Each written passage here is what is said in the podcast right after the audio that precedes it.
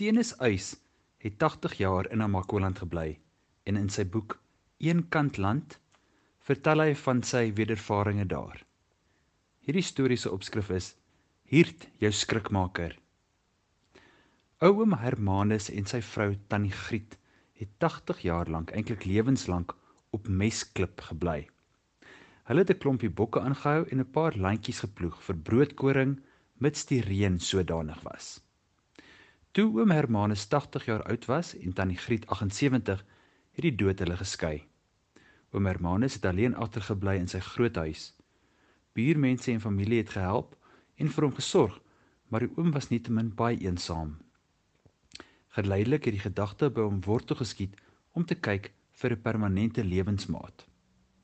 Oom Hermanus het 'n paar opsies het 'n paar opsies gehad wat ouderdom, voorkoms en geskiktheid betref. Party skynbaar heel bruikbaar. Daar was ou Nigleni, 78 dik en swaar van lyf, goed geaard maar te oud. Daar was Katrein, 60, 'n weduwee vrou met 'n mooi gesig en lyfie maar 'n groot snip, katterig en voorsêerig. Vir sulke geite het hom Hermanus ook nie lus nie.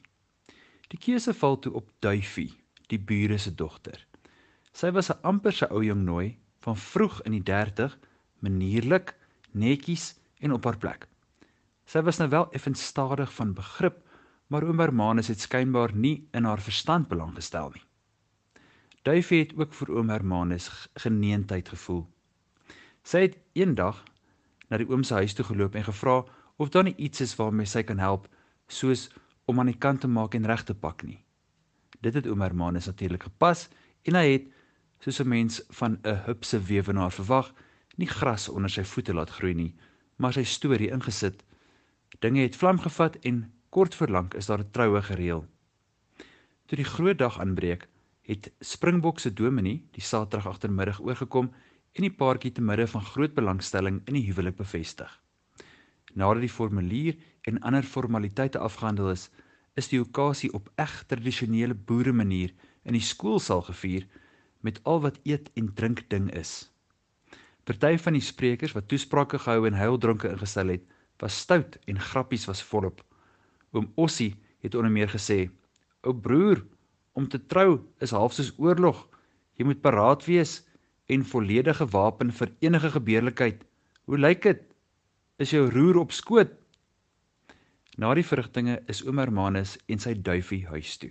Daar gekom, het hulle uitgetrek en kooi toe gegaan. Oom Hermanus het vir hulle gebid en die kers doodgeblaas. Na 'n rukkie se stilte kom duifie agter die oom soek iets want hy bly rondrol. Dis toe dat sy sê: "Wat soek papi?" Oom Hermanus sê: "Ek gaan jou skrik maak." Hoe danig die skrikmakery was, weet niemand nie, maar die res van die nag het vreedsaam afgeloop. Die Sondag het 'n paar vriende kom inloer en tee gedrink. Die aand na ete het oom Hermanus en duifie 'n bietjie gesels en weer kooi toe gegaan. Oom Hermanus het net het net soos die vorige aand gebid en die kers doodgeblaas. Na 'n hele ruk se stilte sê Duifie liefies: "Gaan papi my dan nie weer skrik maak nie?" So half deur die slaap draai oom Hermanus om, lig homself so op op een elmboog en skree skielik hard: "O!"